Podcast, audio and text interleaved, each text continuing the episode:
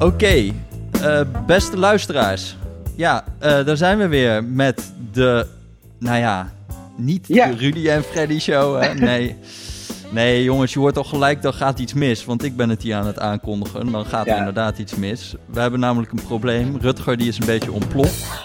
Die heeft een, eh, heeft een stuk geschreven in The Guardian. En dat is 7 miljoen keer gelezen. Nou ja, je snapt, dan, dan kom je eigenlijk gewoon je bed niet meer uit voor zo'n lullige podcast met 30.000 luisteraars. Dus eh, Rutger zit voorlopig, eh, die zit even op de Olympus. En we hopen nog even dat hij, eh, dat hij binnenkort nog met ons stervelingen wil, wil meedoen. Maar nou ja, we moeten het dan toch maar doen even voor nu met Rutgers plaatsvervanger op aarde. En dat is eigenlijk niemand minder dan, dan Rob Wijnberg. Ja, Is toch heel, ja, dus het is de Robbie en Freddy show. Dat wou ik zeggen. Dat wou ik precies zeggen. Welkom bij de Robbie en Freddy Show. Robbie en Freddy show. Bekt Eh, ook lekker. Rutger heeft zijn eh, PA afgevaardigd om waar te nemen. Ja, maar wat wel nu natuurlijk vervelend is, is dat, we, dat iemand de structuur van dit gesprek een beetje moet gaan bewaken. En dat is nog wel Rutger. En eh, ja, daar vrees ik toch een beetje voor deze podcast. Dus we gaan gewoon een strikt schema gaan we aflopen. Er staan mooie dingen op het programma vandaag. Ik dacht, eh, ja, Ja, ik, ik kan eerst eventjes een beetje gaan renten over KLM. Dat lijkt me leuk. En dan, Ja. dan heb jij nog een stuk geschreven, daar gaan we het nog even over hebben. En we hebben alle twee boeken gelezen, daar kunnen we het ook nog over hebben. zo waar. Maar Eh, lijkt, me, lijkt me een fantastisch programma. ja, dat is mooi. Dus laten we eens even beginnen met KLM dan. Wat is er met KLM en waar ben jij zo eh, boos over? Nee, het is, wel, het is wel leuke tijden natuurlijk, want je hebt nu in één keer...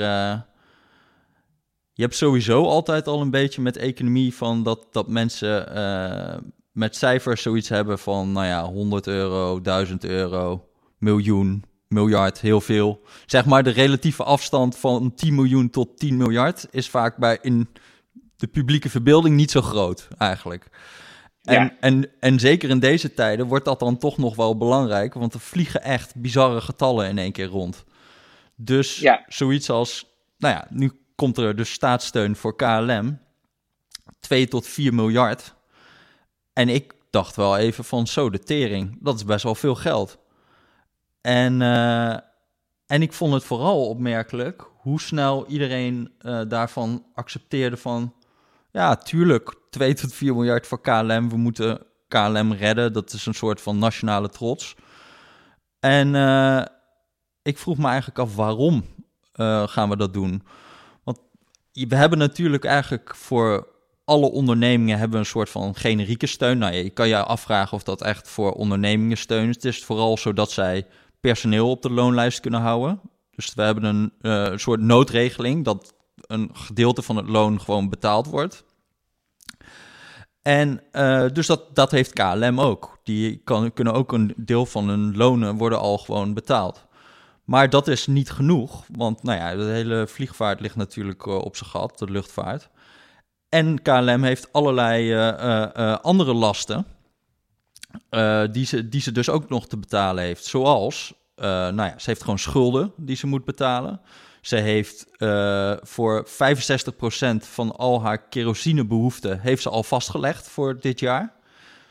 Ja, dat worden contracten, dat zijn contracten waar je dan al eh, eh, op gemiddelde consumptie bepaalt hoeveel kerosine je voor het hele jaar nodig hebt. En dat, dat moet je eigenlijk, daar zit je aan vast. Ja, Dat maakt dus ook niet echt uit dat de, dat de olieprijs nu eh, als het ware indonderde. Want die, je hebt al tegen een bepaalde prijs al die olie ingekocht. Ja, precies. Toch? En dat is, dat, Ja. is, dat is dan natuurlijk helemaal vervelend voor ze. Eh, ja, je doet dat natuurlijk om een soort van zekerheid te hebben over wat je gaat betalen. Ehm, Ja, maar je gaat er ook natuurlijk niet vanuit dat al je, eh, al je vliegtuigen gewoon aan de grond zitten het hele jaar. En dat je dus Nee. dan nog, nog steeds vastzit aan heel veel van die contracten. Dus dat loopt gewoon door. Dus eh, eh, om eh, al die oliecontracten. Dat is ook nog iets in die vliegvaartsector. Dat eh, heel veel of luchtvaartmaatschappijen vliegtuigen leasen. Dus je hebt eh, eh, een paar, eh, nou dat is nogal fiscaal gedreven. Het is gewoon voordelig om belasting te ontwijken eigenlijk. Eh, al die le- leasemaatschappijen zitten in Ierland en KLM heeft dus ook voor heel veel vliegtuigen geleased. En dat blijft ook gewoon doorgaan. Dus je moet gewoon huur betalen over al die vliegtuigen, ook terwijl ze niet vliegen. Dus voor een heel groot gedeelte gaat gewoon dat geld wat wij nu betalen, gaat richting het betalen van al dat soort verplichtingen. Ja. daarvoor, daarvoor is het eigenlijk bedoeld, omdat dat gewoon allemaal doorloopt. en nou ja, er was dus echt alle indicatie dat KLM gewoon hartstikke failliet zou gaan, heel snel. Uh, dus uh, volgens mij Wopke zei in de Tweede Kamer, Wopke Hoekstra, die zei van we gaan in juli, is het gewoon afgelopen met KLM. Nou, je ziet nu ook trouwens, ze hebben nu, uh, vandaag was het nieuws met die vouchers. Dus je hebt heel veel mensen die nog een vliegreis hadden geboekt bij KLM. Nou ja, dat gaat dan allemaal niet. En dan was de, wat zij eigenlijk wilden in eerste instantie was gewoon zeggen, ja, ergens in de toekomst kan je dan toch nog vliegen met KLM. Hè, dan krijg je een voucher. Maar toen heeft de Europese Commissie heeft gezegd: nee, je moet ook gewoon je geld terug kunnen krijgen. En nu biedt KLM aan: we doen 15% meer op je voucher. Als je nu niet je geld terug gaat halen. Mhm. Snap je? Dus dat is eigenlijk 15% rente, wat zij bieden op een soort van lening. Ja. Van, en dat is 3 miljard euro. Dus nou ja, dat suggereert in ieder geval hoe nijpend die situatie is voor hun. Van als je, als je zulke soort uh, rentes gaat betalen aan je eigen klanten, dat is echt bizar. Maar, ja. maar um, da, dus dat, dat vraag ik me dan af. Kijk, gegeven het feit dat het gewoon helemaal failliet zou gaan, waarom gaan wij dan uh, al die contracten honoreren? Want ja. zij hebben dus, zij hebben dus, uh, zij hebben dus al die uh, leases en al die schulden, die gaan we gewoon eigenlijk ervoor zorgen dat dat allemaal betaald blijft. Ja, en er zit ook nog een soort, bijna een soort ironisch, er zit ook nog een ironisch iets in, want het wordt heel erg gedreven volgens mij, heb ik de indruk, door nationale trots. Hè? Dus uh, wij laten ons, ons KLM niet uh, omvallen. En uh, ja, de, het blauwe hart, ja, bij wijze van spreken, van Nederland klopte als nooit tevoren. En dat, is, dat, dat was ook een beetje het sentiment in de Tweede Kamer. Terwijl eigenlijk, wat jij zegt, als ik het goed begrijp, en volgens mij schreef Follow the Money, onze vrienden van Follow the Money schreven daar ook een aardig artikel over. Over dat eigenlijk al die miljarden of die steun die nu aan KLM wordt, ge, wordt gegeven, in feite wegvloeit naar, helemaal niet naar KLM in een zekere zin, maar naar, um, nou wat, wat zeiden ze, uh, uh, buitenlandse oliebedrijven, een Ierse leasemaatschappijen, leasemaatschappijen oliehandelaren, helemaal niet Nederlandse bedrijven. Nee. en, en laat staan KLM. Het gaat eigenlijk via KLM naar het buitenland. Ja, ja, ja, ja, ja. Ja, het is natuurlijk niet dus alleen maar, maar inderdaad. Het is, het is gewoon ook een beetje naïef om te denken dat dat... Uh, ja, ik, ik snap dat sowieso niet, dat hele nationale sentiment over een luchtvaartmaatschappij. Ja, maar ik weet niet of jij dat zo heel erg hebt of zo. Ik vind het, een, ik, vind het ik, ik heb wel eens met KLM gevlogen, ik vind het fijn of zo. Maar ja. het is toch gewoon, ja, of het nou Emirates is of niet. Het is een logo op een vliegtuig, toch? Heb, je daar, heb jij daar heel veel sentiment bij? Ja, ik weet het niet hoor. Nou, Jesse, Jesse wacht even. Heb jij, uh, jij, jij, jij bent niet echt een voetbalfan, hè? Nee. Ja, wel, wel, wel, wel, echt... wel, een beetje. Sinds ik toen bij jou uh, ja? ja? een beetje voetbal ben gekeken. Maar wat heeft dat... Oh ja, oké. Jij... Nou, dan ga ik je vertellen. Want, want kijk, uh, jij bent dan misschien een beetje, uh, heb je een beetje voetballiefde leren krijgen doordat, doordat, we dat, doordat je dat nu bij mij kijkt een beetje clubliefde, zeg maar. Uh, kijk, ik ben totaal irrationeel opgegroeid met een clubliefde voor FC Groningen. Ach, dat slaat helemaal nergens op. Ja, dat is eigenlijk gewoon, dat is eigenlijk vrij treurig, want wij winnen nooit wat. We hebben één prijs in ons bestaan uh, gevierd, de KNVB-beker. Ook nog een soort troostprijs. We zijn nooit kampioen geworden en toch ben ik in hart en nieren FC Groningen fan. Ja, waarom? Dat is, mij, dat is totaal onduidelijk. Maar ik denk dat het hier ook een beetje opgeldt van, van ja, er zit een soort geschiedenis. Je groeit op met. Eh, KLM is een nationaal bedrijf en dat, is, dat, dat, dat heeft een nationale geschiedenis. En dat is, uh, ik moet toegeven, ik ben niet echt uh, nationalistisch wat dat betreft. En ik ben ook niet, ik snap helemaal wat je, als jij zegt, en dat onderschrijf ik ook helemaal. Als je zegt, ja, uiteindelijk, het is gewoon een logo op een, op een vleugel. Ja. En uh, of ik nou met Emirates naar Amsterdam vlieg of met KLM, wat boeit dat? Maar ik moet toegeven, ik heb, ik heb veel gevlogen uh, de afgelopen jaren. Uh, omdat ik eigenlijk de hele wereld rondging om, om de correspondent te promoten. En het, het gevoel wat je krijgt als je dan toch ergens, weet ik veel, in, Singapore staat en je ziet dan KLM en je wordt dan door de bekende blauwe pakjes uh, begroet. En, en sterker nog, vaak spreekt het personeel dan ook Nederlands. En dan is het toch een soort thuiskomen of zo. Ja. En je krijgt dan, uh, ja, ik, ik weet niet. Uh, en en het, het, dat is allemaal totaal irrationeel. Maar ik kan mij voorstellen dat, dat wat hierachter zit, dat ze ook een hele lange geschiedenis, die iets zegt over Nederland, proberen te redden. En niet alleen maar een bedrijf of een dienst. Ja, ja oké. Okay. Nou, nou, dan zou ik het toch een beetje, toch een beetje zakelijk willen aanvliegen. Aanvliegen, ja. leuk. Nee, uh, maar, maar ik bedoel, hoeveel geld heb je over voor zo'n sentiment? Uh, en, en los daarvan, stel dat je KLM wil redden. Hè? Ik, ik, ik, ben, ik weet mhm. niet helemaal zeker of ik dat wil. Dan vind ik de manier waarop dat nu is gedaan, vind ik echt gewoon heel raar. Want wat Wopke eigenlijk heeft gedaan, is gewoon al heel vroeg heeft hij aangekondigd. Nou, wij gaan geld geven aan jullie. We gaan, heeft echt al heel snel heeft hij ook gezegd, we gaan kosten wat het kost, gaan we KLM overeind houden. En vervolgens vraagt de Tweede Kamer, ja maar ho, wacht eens eventjes. We hebben al die schulden uitstaan. Uh, uh, we hebben al die leases uitstaan. Gaan die mensen ook iets meebetalen? Of gaan wij gewoon eigenlijk met belastinggeld die, uh, al die contracten honoreren? En dan zegt hij, ja, nee, daar gaan we ook nog over praten. Maar verwacht daar niet te veel van, want dat is heel lastig om die contracten te heronderhandelen. Ja, nogal wie dus, want jij hebt gewoon meteen al gezegd... we gaan alles doen om KLM overeind te houden. Dan is heel je onderhandelingspositie is gewoon ondermijnd. Want het bedrijf gaat in principe gewoon failliet als je niks doet. Maar jij hebt gewoon al gezegd van we, we gaan het redden. Ja, dan, dan valt er ook verder weinig te onderhandelen natuurlijk. Dat is, ja... Nee, dan zet je, dan zet je de sluis open en dan uh, moet jij maar gaan betalen. Ja. Komt het op neer. Ja.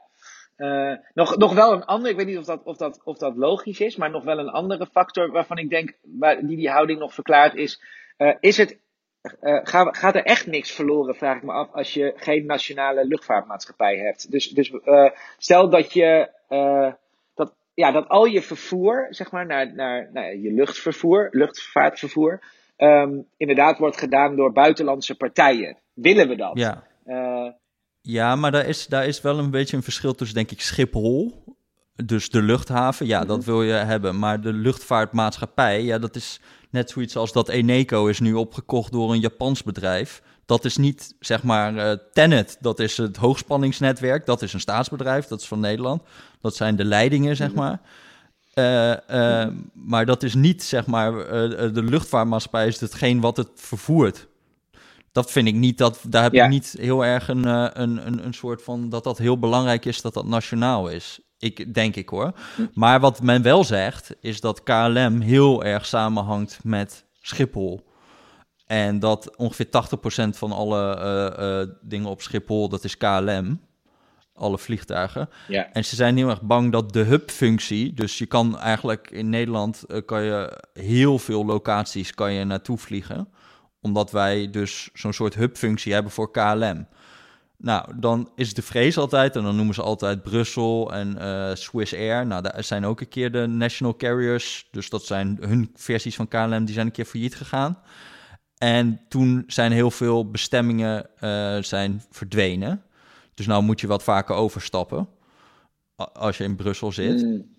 Nou ja, dat zou dan vervelend zijn en dat zou, uh, dat zou niet goed zijn. Maar dan vraag ik me ook wel een beetje bij af van ja, zou, zou het nou echt zo zijn dat, dat, dat er geen andere luchtvaartmaatschappij is die al die, uh, die Schiphol zou willen gebruiken?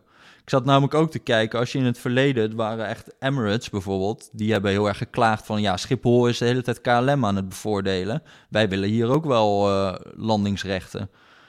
En het is natuurlijk niet zo dat als KLM failliet gaat, dat het weg is. Wat er gewoon gebeurt in een faillissement, is dat je gewoon gaat kijken: oké, uh, we gaan het herstructureren, we gaan contracten openbreken, we gaan heel veel personeel gaat ontslagen worden. Maar goed, ja, dat zegt Wopke nu ook al. Er gaat heel veel personeel ontslagen worden, want er wordt niet meer gevlogen. Dus je gaat niet piloten en, en, en stewardessen betalen voor vluchten die niet vliegen. Of dat doe je wel een beetje, maar dat kan je niet twee jaar of twee jaar volhouden. Wat men nu verwacht dat het blijvend uh, laag blijft. En, en je gaat bij zo'n faillissement ga je dus ook schulden herstructureren. Dat kan dan. En dan ga je, uh, ga je over uh, heronderhandelen. Maar ja, nu, wil je, nu willen we dat allemaal intact houden. maar ja, waarom eigenlijk? En, want dan ga je gewoon een nieuwe koper vinden in zo'n faillissement. Het is niet dat KLM verdwijnt. Nee. Nou ja, goed. Ik, ik zou nog kunnen denken van wat jij ook zei over die hubfunctie. Van Schiphol en KLM zijn heel erg vervlochten. En ja, het is, nee, je wil, er, is, er valt heel veel voor te zeggen om zo'n vitale infrastructuur als Schiphol in een soort nationale handen te houden. En aangezien KLM als vliegmaatschappij met een lange geschiedenis helemaal vervlochten is met Schiphol. En uh, ja, daardoor ook zoveel, daar Schiphol zo'n hubfunctie van kan geven. En daardoor zelf ook zoveel bestemmingen bedient enzovoort. Dat je, dat je als het ware zegt van, uh, om, om Schiphol van ons te houden en om uh, de functie van Schiphol als hub naar heel veel bestemmingen ook goed intact te houden, is het heel belangrijk dat je ook KLM overeind houdt. Ja, maar vind je dat erg dat, dat je met de Thalys naar, uh, naar, dat is een Franse maatschappij, vind je dat erg dat je van Amsterdam met een Franse spoorweglijn naar uh, Parijs gaat? Ja, ik vind het prima dat, het spoor, dat het spoor Nederlands is, oké. maar dat, dat, het, uh, dat, die, dat die spoorwegmaatschappij dan uit een buitenland komt, dat maakt me eigenlijk niet zoveel uit. Maar goed. Nee, nee dat is waar. En wat natuurlijk ook wel raar is, en dat heb je wel eens vaker gezegd. Uh, wat natuurlijk heel vreemd is, is de, hoe de VVD hier dan kennelijk in staat. Want je zou zeggen, ideologisch gezien, is de VVD hè, normaal gesproken altijd zo van de tucht van de markt. Maar als, het puntje, als het puntje hè, tenminste dat zeggen ze. uh, maar als het puntje bij paaltje komt, bij dit soort situaties, en dat hebben we ook al eerder gezien, dan blijkt het gewoon vrij makkelijk om soort van in een crisis uh, de lasten uh, van dit soort grote bedrijven compleet te socialiseren, ja, ja, als het ware. Nou, was ook echt... de VVD de VVD die, die, die, die is altijd super streng als het gaat om, moet je, moet je ze horen als het gaat om een uh, uh, fraude met een uitkering of zo, dan word je keihard aangepakt, mm. zeg maar. Maar als je als uh, groot bedrijf het moeilijk hebt en je hebt allemaal contracten waar je niet onderuit kan, en um, dan staan ze opeens met zakken met geld klaar om zonder enige voorwaarden je uh, uh, uit de brand ja. te helpen. Dat is toch Ja, nee, ik vond het echt ook, ook wel heel bizar tijdens dat debat. Wat, uh, toen, toen waren eigenlijk helemaal de rollen in één keer omgedraaid. Die Henk Nijboer van, van de PvdA en Bart Snels van GroenLinks. Die zaten er trouwens lekker in. Waren echt goed bezig. En die zeiden... Ehm, die waren echt van, nou, wat, wat denkt de VVD daar dan van, van om die private financiers ook wat mee te laten betalen? Hè? Want het is ook heel erg uh, je hebt eigenlijk met de financiële crisis zijn ze toen tot het inzicht gekomen, je moet een bail-in hebben. Dus we gaan niet meteen banken redden in Europa, dat mag niet meer. Je moet eerst ook de mensen die, uh, uh, dus obligatiehouders, mensen die leningen hebben verstrekt aan banken, die moeten nu eerst gaan betalen. Dat heet een bail-in. Dus wat er heel vaak in de Tweede Kamer ook was, was van nou, wilde Italië een, weer een bank redden. En dan was in één keer VVD, nee, nee, nee, bail-in. Eerst Zeg maar, eerst, we gaan niet zeg maar, met overheidsgeld dat doen. En nu is het KLM en dan is het heel snel is het een heel ander verhaal. Maar hij zei... Ja, is het bail-out ten koste van alles. Ja, en, en hij zei dus, op, op plek 1, 2 en 3 staat voor mij het voortbestaan van KLM. Dus dat was eigenlijk, nou ja, dat is weer ook een beetje wat Wopke zei, van alles op alles om KLM te redden. Nou, dat is best wel veel, alles. En, uh, hij zei toen ook nog van uh, ja, en hij was ook, oh ja, hij was ook nog bang als je dan uh, beleggers uh, zou gaan mee laten betalen van ja, of de gewone man daar niet door wordt geraakt. Want die zit immers ook in pensioenfondsen en weet ik het wat. Dat zei dat VVD-Kamerlid, ja, dan denk ik ook van dat is een gelegenheidsargument. Als je dan de gewone man wil redden, dan geef je toch gewoon geld aan de gewone man. Dan ga je toch niet aan KLM geld geven, zodat die het dan de gewone man zou kunnen redden. Wat is dat voor kutverhaal? Maar goed, ja, dat is natuurlijk, dat is natuurlijk heel raar. Uh, wat ik trouwens ook, speaking of, want dat werd volgens mij, dit werd gisteren bekend. Toen dacht ik ook van, oké, dit slaat ook weer helemaal nergens op. En misschien heb jij hier ook weer interessante dingen over te zeggen, want het heeft, je, het heeft weer te maken met je favoriete onderwerp, belastingen. Want wat schetste mijn verbazing? Er werd gisteren gezegd, gisteren nieuws, steun ook bij belastingontwijking. En wat blijkt? Uh, je kan nu ook aanspraak maken op uh, de nieuwe steunpakketten in deze crisis van de overheid. Ook als je uh, vestigingen hebt in belastingparadijzen. En dat je dus in feite je, ehm, je, je belasting via die paradijzen ontwijkt. Nou kan ik me voorstellen, daar hebben wij het een keertje eerder over gehad, Jesse. Dat heb je me aardig uitgelegd. Volgens mij heb je dat ook wel eens eerder in de podcast verteld. Dat in een zekere zin moet de overheid deze steun nu soort van geven zonder al te stringente voorwaarden. In de zin van, je kunt nu niet alles gaan controleren. En je kunt niet uh, iedereen gaan uitsluiten. Je moet gewoon, omdat het zo'n acute crisis is, moet je een beetje een soort van de sluis openzetten en dingen overeind mm houden. Ik snap ergens wel dat de overheid zoiets zegt van, ja, die steun, die is er nu voor, uh, voor bedrijven om ze overeind te houden. We kunnen nu niet, weet ik veel, hele, uh, allemaal voorwaarden eraan gaan verbinden, waardoor het veel te ingewikkeld wordt om die, om die steun uit te keren, et cetera. Maar wat ik niet helemaal begrijp, is, je kan toch zeggen, uh, luister, uh, een paar hele simpele voorwaarden. Als jij de samenleving sowieso al min of meer tilt, want dat doe je eigenlijk op een soort lega in een soort juridisch geconstrueerde, quasi-legale manier je tilt de samenleving als bedrijf door, al, door, door niet de belasting te betalen in het land waar je gevestigd bent. Dat doen ze met allemaal hele slimme constructies. Um, als wij geven je nu de, de, de steun. Als blijkt dat jij dat doet. En als blijkt dat jij, uh, weet ik veel, hoeveel rekeningen hebt lopen. waardoor je allemaal belasting ontwijkt. Um, dan gaan we je uh, dat wel aanrekenen. En dan ga je dat betalen. Uh, dus ik zat zelf te denken van deze steunmaatregelen of deze pakketten zijn een prachtig moment, dacht ik, om te zeggen, nu is het moment om, dat, om, dat, om die belastingontwijking eens een keer uh, op de kaart te zetten en, om, en, en uh, aan te pakken. Uh, want we gaan deze voorwaarden eraan aan hechten. en als blijkt dat jij daar niet aan voldoet, dan, dan mag je het gaan terugbetalen. Ja, maar dit, ik, ik, ik, ik, ik heb toch wel wat sympathie voor dat, voor dat standpunt van het kabinet hoor. Want het is wel het is helemaal niet makkelijk om te zeggen wat is überhaupt belastingontwijking. Wij zeggen dat heel vaak, multinationals die belasting ontwijken, maar dat is natuurlijk een heel vaag spectrum. Want we hebben, we, hebben heel veel van dit soort discussies natuurlijk in de Tweede Kamer constant over van we willen belastingontwijking aanpakken. En dat gaat heel erg over details en dat is heel moeilijk om, om, om zeg maar dat, dat goed helder af te bakenen.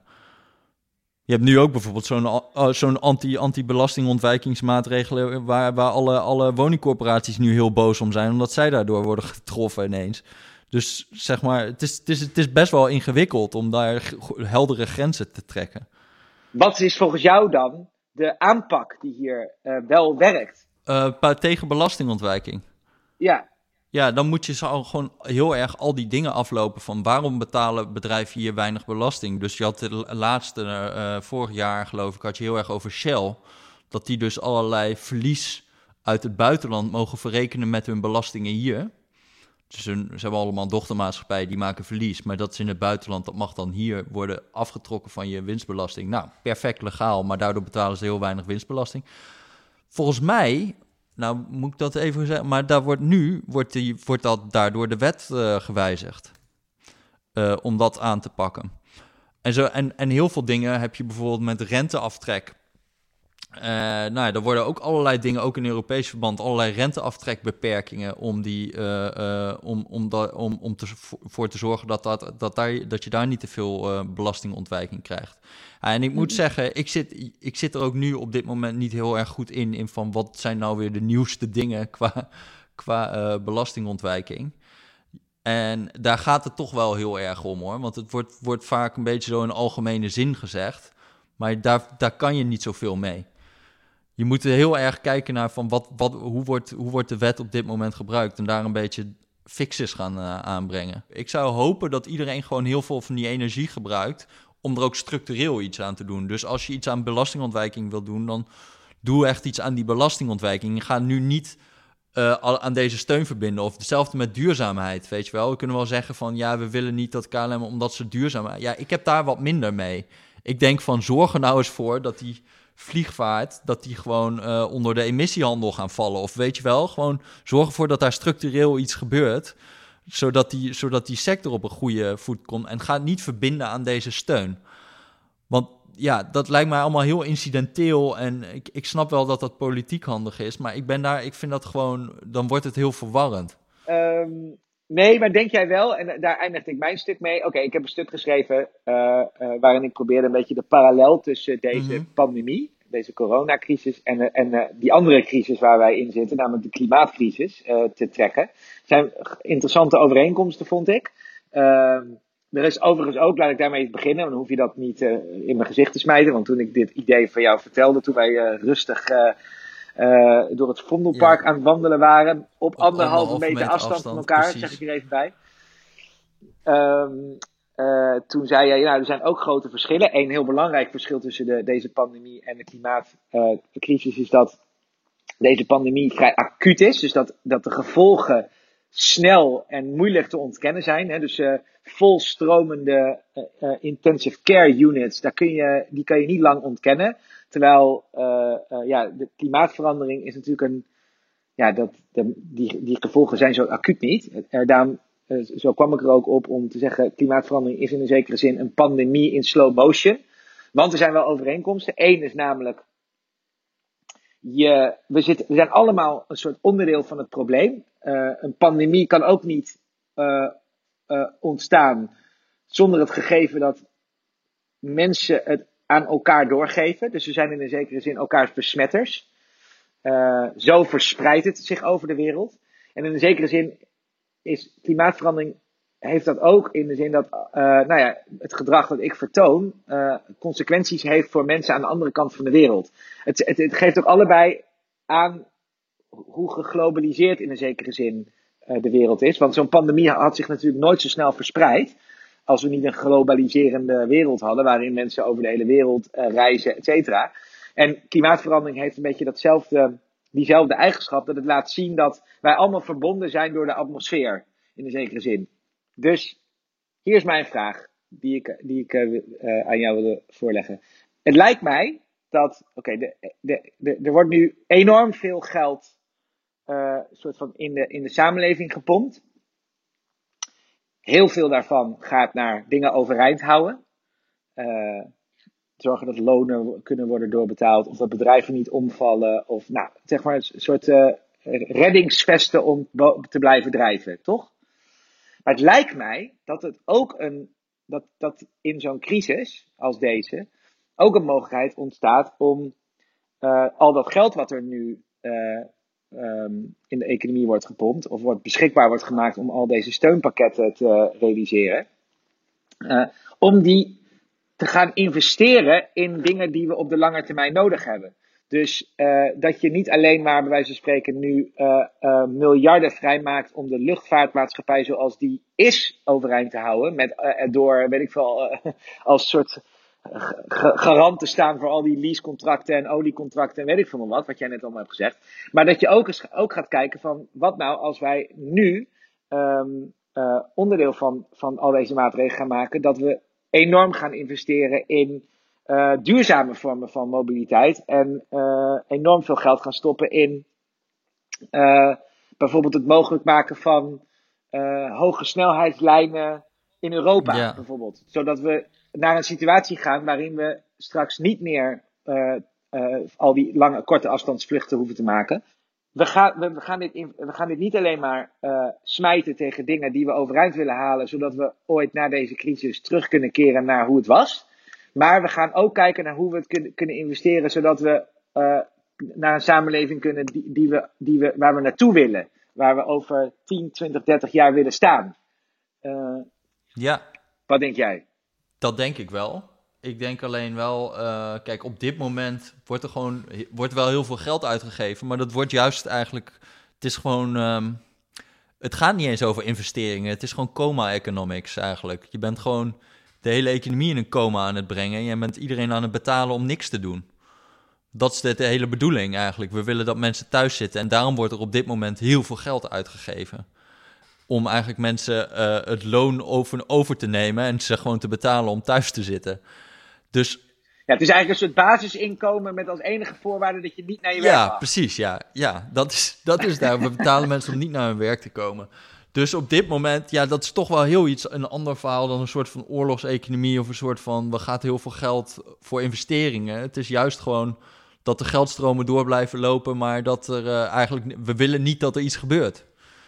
Maar we hebben natuurlijk op een gegeven moment, als dit virus voorbij is, ja, dan zitten we waarschijnlijk met gigantische vraaguitval. Want er zijn gewoon heel veel, ja, je ziet het nu al, gewoon uh, in Amerika hebben ze, wat is het, 15% werkloosheid of zo al. Dat is echt absurd.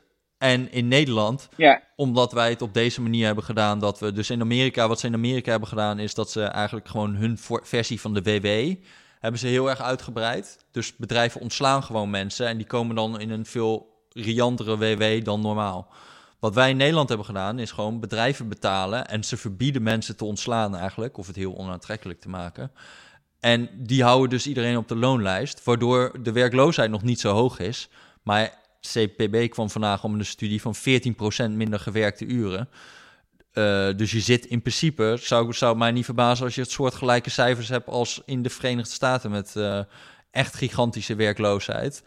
Op het moment dat we bedrijven gewoon, uh, nu doen we eigenlijk onze WW via bedrijven, snap je? Nou ja, mm -hmm. dat is gewoon vrij dramatisch. En tegen de tijd dat we dus de economie weer opengooien, dan zitten we waarschijnlijk gewoon met enorm vraagtekort. Dus er wordt gewoon te weinig uitgegeven. En dat moet dan, als we het gewoon even klassiek Keynesiaans bekijken, dat moet gewoon opgevangen worden. Er moet gewoon weer geld worden besteed. Nou, het is dan heel logisch om te kijken naar de overheid. Uh, naar wat zijn nou echt grote, mooie projecten waarvan wij denken van ja, dit hebben we nu nodig. Ja, natuurlijk, dat, is dan, dat, is, dat zijn al die duurzame projecten. Dat zijn denk ik ook gewoon metrolijnen. Trek, uh, trek gewoon in uh, al die steden gewoon die metrolijnen nog door. Uh, stel daar gewoon miljarden voor beschikbaar. Die plannen zijn er al. Um, ik, en, en, en, en met duurzaamheid precies hetzelfde. Het is wel moeilijker daar, overigens, om... Dat, dat zeggen we nog wel eens van, er is te weinig geld beschikbaar. Volgens mij is er best wel veel geld beschikbaar, maar het is best wel moeilijk om daar projecten te vinden.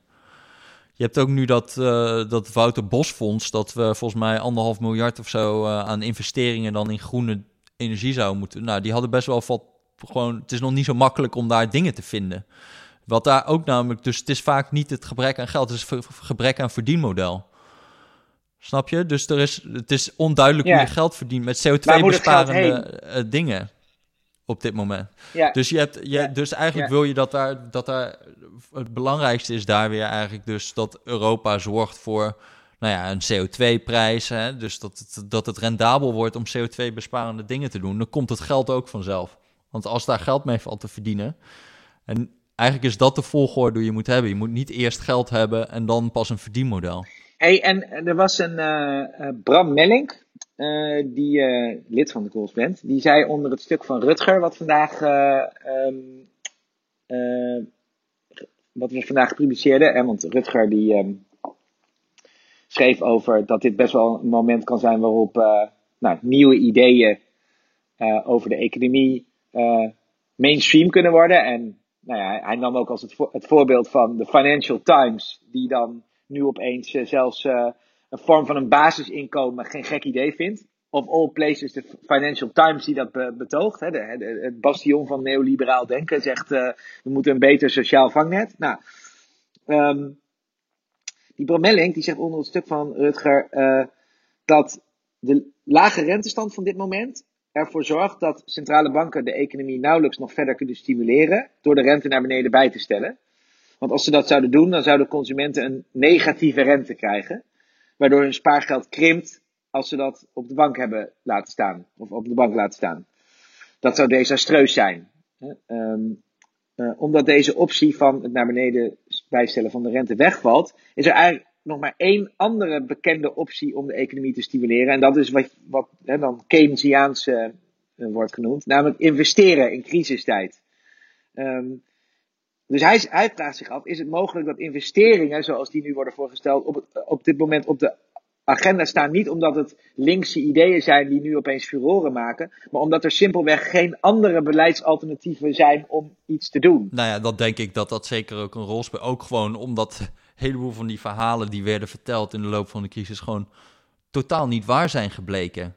Eh, dus eh, de, dat was altijd de angst, hè? Dat, die, dat die rentes enorm zouden oplopen. En dat we nou in een soort van hyperinflatie zouden zitten, omdat al die centrale banken zoveel, zo uh, die rentes drukken en zo. Dat was echt in 2009 en 2010 hoorde je dat geluid nogal veel. Van dat er echt angst was. In, in Duitsland lopen misschien nog een paar malotige rechters rond die, die dit soort ideeën erop nahouden. Maar, daar zijn ze, maar in principe, ja, er is gewoon, het is gewoon een beetje een anticlimax geworden. Rentes zijn heel laag gebleven voor landen als Duitsland en Nederland. Uh, er is geen inflatie, wat ook eigenlijk heel opmerkelijk is. Dus eigenlijk klopt, ja, eigenlijk, eigenlijk dat kamp heeft het heel erg afgelegd tegen het Keynesiaanse denken. En tegelijkertijd is het ook uh, heel duidelijk geweest dat heel veel bezuinigingen heel schadelijk zijn geweest. Mm Kijk, dat hoor je nu ook al bij Wopke. Hè? Wopke begint in één keer te zeggen, uh, CDA, uh, van ja, dit is echt niet het moment om te bezuinigen. Nou, dat is precies wat je wil horen van, uh, van de minister van Financiën. Maar we hebben een sociaaldemocraat gehad, toch nog drie jaar geleden of zo, die daar hele andere ideeën over had. En nu hebben we een christendemocraat die eigenlijk precies de goede, wat dit betreft, gewoon het goede ding zegt. Dus dan is het spectrum echt best wel hard opgeschoven. En je kan je ook nog eens even achter de oren krabben van wat voor totale blunder dat is geweest van de PvdA. Dat we daar gewoon jarenlang hebben zitten bezuinigen voor uh, Jan Lul eigenlijk. Dat, dat is echt heel gênant. Maar ja, dat, Het, ik denk dat daar ook wel wat in zit. Het is gewoon, uh, het is gewoon zo overweldigend veel bewijs dat, het, uh, dat heel veel van die angst die er werd gezaaid over staatsschuld, over tekorten, uh, en over dat, dat het waren ook altijd verhalen van. Op een gegeven moment kreeg je in die crisis nog, nog dat, uh, dat bezuinigingen de groei zouden aanjagen. Dat is een hele invloedrijke studie, weet je wel. Dat werd gewoon geciteerd in, de, in het CPB en zo, alles Sina. Nou, dat, uh, dat, dat, dat, dat, daar kom je ook niet meer mee aanzetten tegenwoordig. Dat is allemaal een beetje nee. best, wel, best wel gênant gebleken moet niet gekker worden. Nee, nee, nee. Dus let the money roll eigenlijk. Ja, je ziet hier gewoon wel dat het hele denken is opgeschoven. Dus daar ben ik, dat is op zich wel hoopgevend. Ja. ja. Moeten we nog uh, pochen met uh, boeken die we hebben gelezen? Doen, even doen alsof we slim zijn? Ja, oh, nee, jij, ben, jij bent slim. Nee. ah, dus, ik heb wel, ik heb wel echt een heel lijp, heel lijp boek gelezen. Ik heb er niet ja, zo want, ik wou zeggen, want jij appte mij van. Uh, uh, uh, dus eigenlijk kunnen we niet laten dat we dit nog heel even bespreken. Want nee. jij appte mij met. ik ben me nu toch een boek aan het lezen. Ja, ja, ja, ja, ja, ja. Ik, nee, ik vond het wel echt. ik vond, ja, ja, soms heb je wel eens van die boeken. Dat, van, dat heb je nog wel eens in je jeugd of zo. Dat je dan zoiets leest. En oh jezus, dit kan ook, zeg maar. Dat ik heel erg bij Keynes. Niet dat ik Keynes echt las, want Keynes Keynes kan niet zo goed uitleggen wat Keynes nou eigenlijk vindt. Dus dan moet je iemand anders lezen over wat Keynes nou eigenlijk vond. En die kunnen dat beter. En dat vond ik echt heel fascinerend. Maar deze gast die heeft dus ook... Een... Dat jij trouwens ooit vriendinnen hebt gehad. Dat is nou, echt, vind ik niet nodig dit. Vind ik echt totaal nee, niet nodig. nodig. Nee, nee gewoon vind ik niet nodig. Gewoon, ja, ja. Probeer, als, als Tinder in, in jouw jeugd had bestaan, dan had jij Keynes in je, in je, in je profielomschrijving gehad, ja. volgens mij. Ja, mooi, mooie man. Gewoon dat je profielfoto is. Met ja, ja, ja, precies. Ja, ja. Mijn maar dit, dit boek heet dus... Vertel, vertel. Ik maak een grapje. Het heet dus Radical Markets. En het... Uh, nou ja, het is echt een vreemd boek. Hij, hij, hij stelt eigenlijk gewoon een soort hele radicaal idee uh, voor. We hebben het vorige keer, vorige podcast hadden we het over uh, nou, dat, het, dat er een soort van plannen zijn bij het CPB over kansrijk belastingbeleid. Dus wat zou nou leuk uh, belastingbeleid zijn? Dit is niet kansrijk belastingbeleid, maar het is wel heel vet. Dus wat zijn plan is... Namelijk? Ja, hij vertel, gaat, in de notendop. Hij zegt, oké, stel je voor dat iedereen die moet van alles wat hij bezit...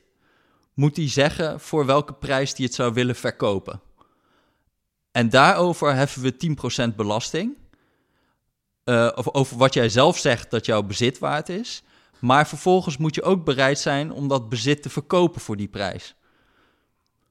Dus eigenlijk is alles de hele tijd te koop. Maar daarover heffen we dus wel 10% belasting. Dus eigenlijk, zegt hij, we schaffen het bezit af. Eigenlijk huur je alles van de overheid voor 10% van wat jij zegt dat de waarde is. Dus wij kunnen gewoon zeggen, jij zegt jouw huis is 2 ton waard. Nou, betaal je elk jaar 20.000 euro aan de overheid aan belasting. Maar als ik dan aankom zetten, ik wil het kopen voor 2 ton, dan krijg ik het ook voor 2 ton. Als jij niet wil dat iemand het koopt, dan moet je dus een hogere prijs doen boven de marktwaarde, zodat je erin kan blijven wonen. Maar dan betaal je ook meer belasting. Snap je het idee? Maar, en, want, want is dat publiekelijk dan? Ja, prijs ja, ja. het, gewoon, het wordt een soort kadaster. Gewoon één grote catalogus van alles wat, wat, het, wat er te koop is. Wat je de hele tijd. Wat, eigenlijk is het een soort doorlopende. Uh, ja, gewoon dat doorlopende veiling. Alles is de hele tijd te koop. Dus hij heeft, hij heeft eigenlijk. Maar dit is. Ah, wacht even, sorry, wacht even. Dit is echt. Dit is mindboggling ja, dit... en bijna absurd. Want, want, want wacht even. Ja, ga er maar even uh, over nadenken. Uh, dit, is Ga, daar moet je heel even over nadenken. Want, want want gaat dit dan op voor alles wat ik heb? Dus kijk, mijn huis, oké. maar gaat dit ook op voor de vaas die hiernaast nee, staat? Nee, hij, hij, zegt, hij zegt die vaas, daar doen we niet moeilijk over. We beginnen vanaf een euro of duizend.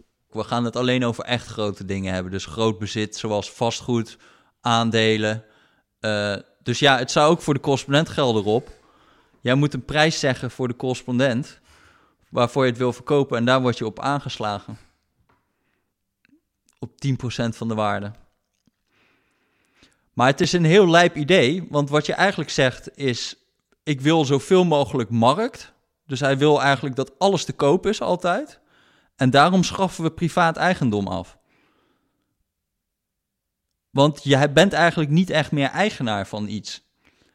Want je, huurt het in principe van de overheid. Maar, maar oké, Oké, maar, maar, maar, maar ik, ik, ik, ik vind het een heel mooi filosofisch experiment. Die me trouwens ook uh, heel erg doet denken aan een filosofisch voorstel dat ik ooit heb gedaan bij de Colsband. Namelijk bepaal, waarom gaan we niet collectief onze eigen salaris ja, bepalen? Nee, dat ging niet goed. Uh, dat ging niet goed, maar uh, ik ben net als deze radical marketsman, was ik, was ik ver voor mijn tijd. Um, maar maar um, mijn vraag zou zijn, oké. Uh, alles, is, alles is te koop, alles heeft een prijs. Je mag hem zelf opgeven en dat staat, is dan publiekelijk. Op het moment dat iemand bereid is dat te betalen, dan moet je het ook verkopen. Maar wat lost dit op? Nou, dat er dus uh, uh, één. Het is heel moeilijk om vermogen te belasten, omdat je niet weet wat het waard is. Nou, dat heeft hij in ieder geval. Het is vrij goed in dit geval. wat jij opgeeft, kan je ervan uitgaan dat dat klopt, omdat je anders daarvan vrij grote consequenties hebt. Dus het is een een van de weinige manieren waarop ik denk van, nou ja, zo kan je inderdaad wel vermogen belasten. Dat werkt. En wat voor hem een heel groot probleem is, en dit is wel grappig, hoe hij er ooit op is gekomen. Je hebt in de economie heb je een hele school en dat heet mechanism design. En dat komt eigenlijk hierop neer van heel vaak heb je in, in soort van standaard economische tekstboekjes heb je gewoon uh, vraag en aanbod en twee lijntjes die elkaar doorkruisen. En nou ja, dan is er gewoon een markt. Een markt is er vanzelf. En mechanism design gaat heel erg over het ontwerp van zo'n markt. Dus bijvoorbeeld, je, hebt, je kan zeggen van we gaan iets veilen, maar dan heb je allerlei verschillende manieren om iets te veilen. Je hebt op de Nederlandse bloemenveiling heb je de Dutch auction. Dan begin je op een lage prijs, of dan begin je op een hoge prijs en dan ga je langzaam omlaag tot iemand stop zegt. Maar je hebt ook de veiling per opbod, dat je laag begint en dan omhoog gaat. Nou, mechanism design gaat heel erg over van hoe ontwerp je nou zo'n markt? Hoe zorg je dat een prijs tot stand komt? En hij had dus het probleem mhm. met, in Amerika met spectrumveilingen. Dus we hebben allerlei radiofrequenties. Uh, en die worden gebruikt door televisiestations, maar ook door radio. Maar ook door 5G. Mooi dat we die er nog even in kunnen fietsen, want er is altijd heel veel behoefte aan, aan 5G-content. Yeah. Maar één groot probleem in Amerika, wat er dus was, was dat een heleboel kleine klote radiostationnetjes die blokkeerde eigenlijk uh, het gebruik van een stukje door 3G of 4G. Omdat zij nu eenmaal voor 15 jaar een licentie hadden op dat stukje spectrum. En daarvoor een hele hoge prijs konden vragen. Want zij hadden het eigendom daarop. Nou ja, uh, wat, toen heeft hij verzonnen, wat je eigenlijk moet doen, is mensen iets laten betalen als een soort van huur. Van stel dat, uh, dus eigenlijk dit voorstel geef je eigen prijs op waarvoor je het zou willen verkopen. En daarvan moet je elk jaar een percentage betalen. Want anders krijg je dus dat mensen de hele, een, een heleboel kunnen gaan blokkeren. Zoals met die Spectrum. Maar, maar dit heb je natuurlijk ook met bijvoorbeeld uh, een heleboel.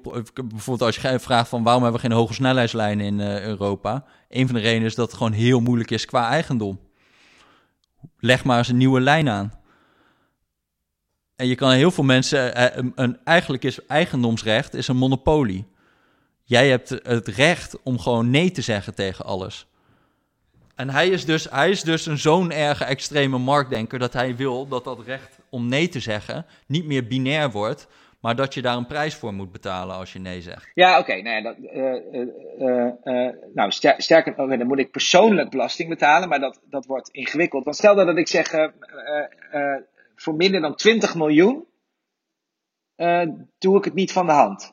Nou, dat kan ik niet betalen, want ik heb niet 2 miljoen inkomen om die belasting te voldoen. Dus, dus, dus ik kan op basis van mijn inkomen of ik moet mijn salaris zelf uh, heel erg omhoog doen. Maar uh, wil ik een hogere prijs daaraan kunnen hangen, moet ik meer inkomen hebben om, om die belasting te kunnen voldoen. Dus, dan, dus, dus ik word gedwongen door mijn inkomen om een lage prijs te, te, te, te zetten die ik kan betalen. Maar dan, dat, dus ik kan, zeg maar, van spreken hoogstens zeggen van, uh, uh, nou, uh, voor een miljoen of zo mag, is de Colsband te koop van mij. Maar dan moet ik dus, nou, dat kan je vertellen, dan de, de, eerste beste um, miljonair of John de Mol of weet ik wat, die dat in zijn achterzak heeft zitten, die zegt dan, nou, heel prima, kom maar door. Dus ik ben totaal machteloos tegenover, dan word je totaal, dat is eigenlijk in een zekere zin heel grappig, want een radical market, maar je bent dan ook totaal machteloos, in een zekere zin, tegen grote partijen. John de Mol, die heeft natuurlijk, als hij een miljard heeft, die, eh, die betaalt elk jaar 100 miljoen belasting. Dus die gaat er eigenlijk nog harder op achteruit. Dus kan je afvragen of, of, die, of die zo makkelijk eventjes straks een miljoen heeft te betalen. Hè? Dus waar, waar, we het nu over hebben met miljardairs, ja, die gaan er wel het hardst op achteruit. Hè? Dus de, de doorsnee Nederlander heeft geloof ik 28.000 euro aan vermogen. Dus die zou 2800 euro betalen. Uh, terwijl als je een miljonair bent, dan, dan heb je het over. De gemiddelde miljonair heeft geloof ik 3 miljoen euro aan vermogen. Maar bij jou is het een ander verhaal. Jij bent wel echt inderdaad. Jij bent potentieel de Sjaak. Alleen wat ik me dan weer afvraag, want dat was mijn voornaamste bezwaar met dit ding ook. Het heeft helemaal niet zo uh, veel zin om de kostplan te kopen. Want het hangt heel erg samen met bijvoorbeeld met, met jou of met het personeel. Dus daar krijg je hele rare soort van. Je moet het als bundel kopen, maar dat kan natuurlijk niet. Dus dit wordt gewoon, dit wordt een heel raar voorstel. Maar ik denk ook niet dat je het moet doen, hè? Lijkt me eigenlijk een klote idee. Maar ik vond het gewoon heel fascinerend om erover na te denken van... Oh ja, wauw. Uh, en, en gewoon het idee van dat eigendom helemaal in strijd is met de markt. Dat had ik eigenlijk nog niet zo goed over nagedacht. Maar privaat eigendom is natuurlijk helemaal niet hetzelfde als... terwijl je dat toch associeert met elkaar. Dus dit is een hele rare soort ik wist, ook, ik wist ook echt begot niet, is dit nou links of is dit nou rechts? En dat zeg ik niet snel, want dat is echt een cliché van uh, wat er is. Maar hier snapte ik echt helemaal niks van. Nee. Nee, dat kan ik me wel voorstellen, ja. Dat, dat, dat is bijna, dat, het, is, het, is, ja, het heet niet voor niets radical market. Oké, ik eindig dan ook even met een leestip. Ik zal niet, ja. ik zal niet uh, het hele boek uit de doeken doen, dat kan ook niet, en ik heb het nog niet uit. Maar het is een klassieker uh, in de mediakritiek. Um, en zoals je weet, oh. ja, ik, ik hou van, uh, van mediakritiek. Daar, heb ik, uh, daar verdien ik al jaren mijn brood mee. de Band is een mediakritiek, zou je kunnen zeggen. Um, en dit is een klassieker die ik nog niet gelezen had. Je hebt een paar van die boeken die, als je mediakritiek beoefent of die je geïnteresseerd in bent, dan zijn er een paar van die boeken, zoals Chomsky, weet je wel, Manufacturing of Consent en zo. Dat zijn van die klassiekers die je dan gelezen moet hebben. En dit is er ook één. En ik had hem nooit gelezen, maar ik dacht, ik ga hem lezen omdat hij vaak genoemd wordt tegenwoordig als een soort van het boek dat Donald Trump voorspelde. En niet Donald Trump als zodanig, maar het fenomeen Donald Trump en hoe, um, ja, eigenlijk als het ware een gemediatiseerde samenleving of een mediacratie waarin alles draait om een soort plat entertainment, zoals in Amerika, uiteindelijk leidt tot dit soort politiek en dit soort presidenten, zeg maar. En dit is geschreven in de tijd dat Ronald Reagan president werd. Uh, dat was toen, hè, Ronald Reagan kwam uit Hollywood, was een acteur. En dat werd toen ook al een beetje gezien als een soort van kijk. Uh, uh, de, de, de, totale entertainmentisering van de politiek. Een acteur die notabene um, uh, president wordt. Er zit ook een hele bekende scène in de film Back to the Future. Waarin uh, Marty McFly vanuit 1985 naar 1955 terugreist. En uh, Doc, hè, die de tijdmachine heeft gebouwd, die gelooft in eerste instantie niet dat Marty uit de toekomst komt. Dus, dus hij vraagt aan hem, tell me future boy, who's president of the United States in 1985? En dan zegt uh, Marty, um, zegt dan Ronald Reagan. En dan zegt Doc helemaal verbaasd, Ronald Reagan, die actor? Who's vice president? Jerry Lewis, wat een comedian is. Daar ja, gelooft er niks van, weet je wel. Ja, ja, ja. En, en, en dit boek heet Amusing Ourselves to Death. Uh, van, titel. Goeie titel. Uh, van, Hele goede titel. Van Neil Postman. Die voorspelde eigenlijk dat dit, dat dit um, ja, de, de toekomst is van het land. En hij mm. voorspelt eigenlijk een beetje hoe de, de cultuur helemaal plat gemaakt wordt door met name televisie. Het is een soort televisiekritiek. Je had nog niet het internet. Ja, ja, ja. En het wordt, dit boek wordt heel vaak aangehaald als een soort van profetisch uh, sinds Donald Trump president was. Dus ik, ik dacht, ik ga dat lezen uh, om te kijken. En wat heel interessant is, een van de dingen die heel erg bijgebleven is, is de metafoor die hij gebruikt. Dat hij zegt, uh, en dat vond ik wel een hele mooie manier om, om, om, om, om eruit te kijken. Hij zei, um, vaak is de, de dystopische toekomst van een samenleving is heel erg, uh, voor ons heel erg bepaald door het soort dystopie wat George Orwell ons voorhield. Namelijk in 1984 voorspelt Orwell, of, of een soort van schetst hij het beeld van de dystopie, de dystopische samenleving, de hel van een samenleving, waarin um, een almachtige overheid uh, de waarheid uh, onderdrukt uh, verborgen houdt, terwijl, terwijl die alle onderdanen, de hele bevolking, permanent in de gaten houdt. En um, Neil Postman die zegt dat is niet de dystopie waar we ons op moeten voorbereiden. De dystopie waar we ons op moeten voorbereiden is niet een, een, een, um, een, uh, een, een, een samenleving waarin de waarheid wordt onderdrukt door een almachtige overheid. Maar de dystopische samenleving is waarschijnlijk meer, lijkt meer op een samenleving waarin de waarheid uh, zo triviaal is geworden en uh -huh. er zoveel onzin wordt gezegd en verkocht en beweerd en er voor elke stupide theorie wel een, een, een, iemand te vinden is die dat serieus beweert, dat niemand nog uh, de waarheid eigenlijk boeit.